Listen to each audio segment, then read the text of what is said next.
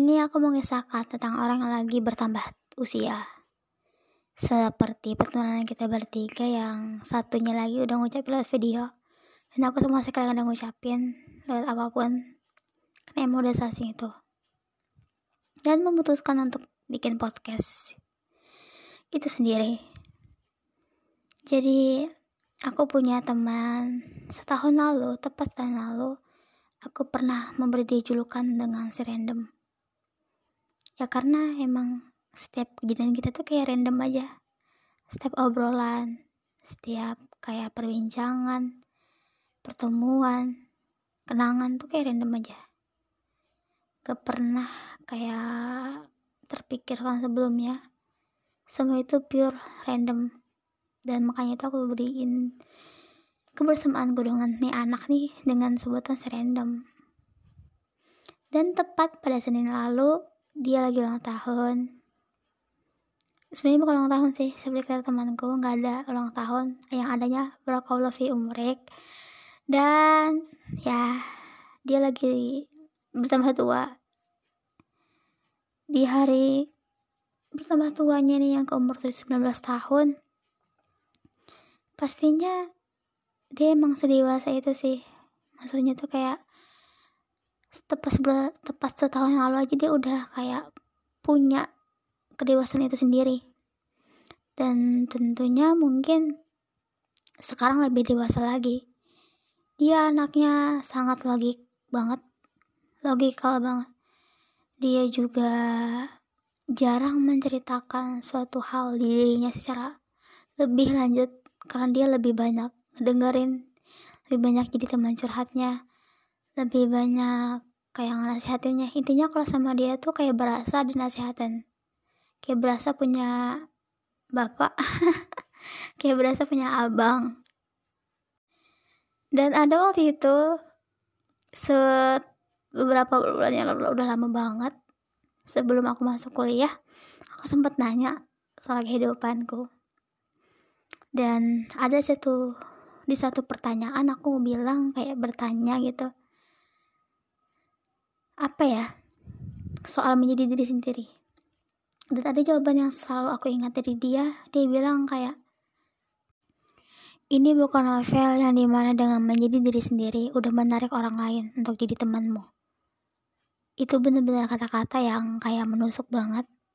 Tapi sebenarnya nggak aku dengerin waktu itu. Dan baru sadar kata-kata itu saat-saat sekarang. Ternyata bener ya kata si random ini. Kalau hidup tuh kayak kayak dengan menjadi dengan nggak menjadi diri sendiri itu bukan berarti kita selamanya nggak jadi diri sendiri kita gitu. Itu hanya sebagai impresi awal agar agar dalam sebuah lingkungan kita bisa terima. Emang menyedihkan sih, terlihat menyedihkan.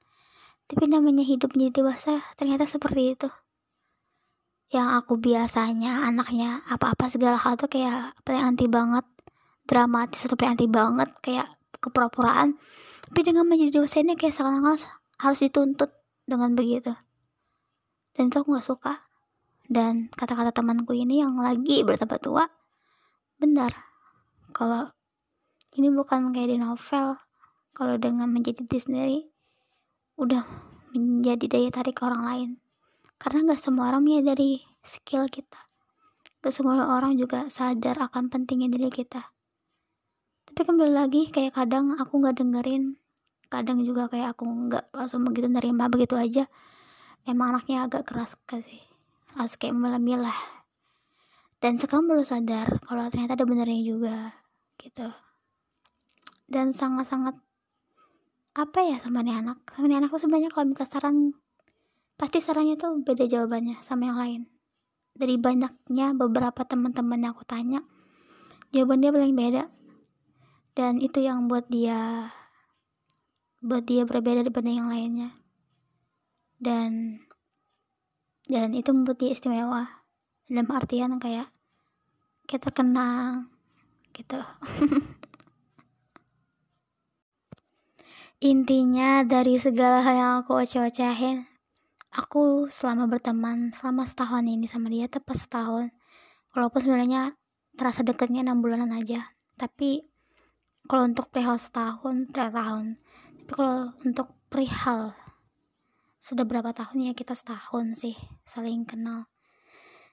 Dan aku banyak belajar dari dia banyak kayak terima perspektif yang lebih luas lagi dengan sudut pandang yang logik banget. Dan dari dia aku jadi ngerti kalau untuk take care ke teman tuh gak gak menghalangi untuk kita bisa peduli dengan diri kita sendiri. Justru dengan kita peduli dengan teman orang lain tuh kayak itu satu hal kunci utama ketika kita mau mencintai diri kita sendiri dulu. Tapi dari dia dia sendiri kurangnya dia menyayangi dirinya sendiri kayak dia lebih terlalu banyak menyayangi orang lain. Hingga dia lupa menyayangi diri sendiri menyayangi dirinya sendiri. Dan dan itu cukup cukup buat aku sedih juga sih. Kayak dia bisa se-caring itu ke temannya tapi ketika ngebahas soal dirinya sendiri dia bisa nggak peduli. Maksudnya tuh kayak kayak apa ya nggak se-care itu dengan dirinya sendiri dan aku harap di bertambahnya tua di umurnya ini dia bisa lebih untuk take care ke dirinya sendiri.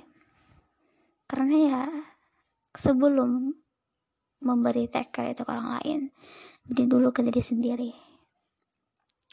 Dan dari dia aku juga cukup terharu dengan kepedulian dia membuat orang sekitar tuh jadi menyayangi dia. Jadi sangat wajar kalau dia banyak yang sayang dan membangun suasana yang menyenangkan tuh kayak penting banget juga dalam obrolan pertemanan. Dan dia anaknya sangat-sangat prefer untuk itu. Tapi aku terus sedih juga sekarang kita jadi sasing itu.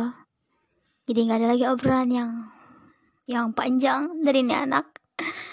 Hanya obrolan yang pendek. Dan dan itu cukup membuat aku ya sama kayak tadi sedih tapi yang terpenting dari itu semua adalah ini tentang dia tentang pertama umurnya dia dan tentang gimana hal-hal baik di dia yang pengen aku tunggu. Dalam artian kayak intinya hal-hal baik ke depannya hal-hal yang dia capai dengan baik proses grow up proses spiritualnya proses mimpi-mimpi dan segala hal-hal yang berkembang. Jadinya aku tunggu dari kejauhan sini entah ini akan sampai ke dia entah gimana pun tapi tahun lalu adalah ucapan terakhirku ke dia pertama dan terakhir yang sekarang hanya aku bisa dilihat yang hanya yang sekarang hanya bisa aku lihat dan hanya bisa aku doakan lihat kejauhan. Serandom anak ini anak ini. Intinya dia selalu aku rindukan take care take heart take heart take care selama semoga sehat-sehat dan Selamat bertemu di titik selanjutnya kalau masih ada garis singgungnya. Aku kangen. Selalu kangen sih. Kan obrolan-obrolan yang ternyata bakal dikangenin juga. 哟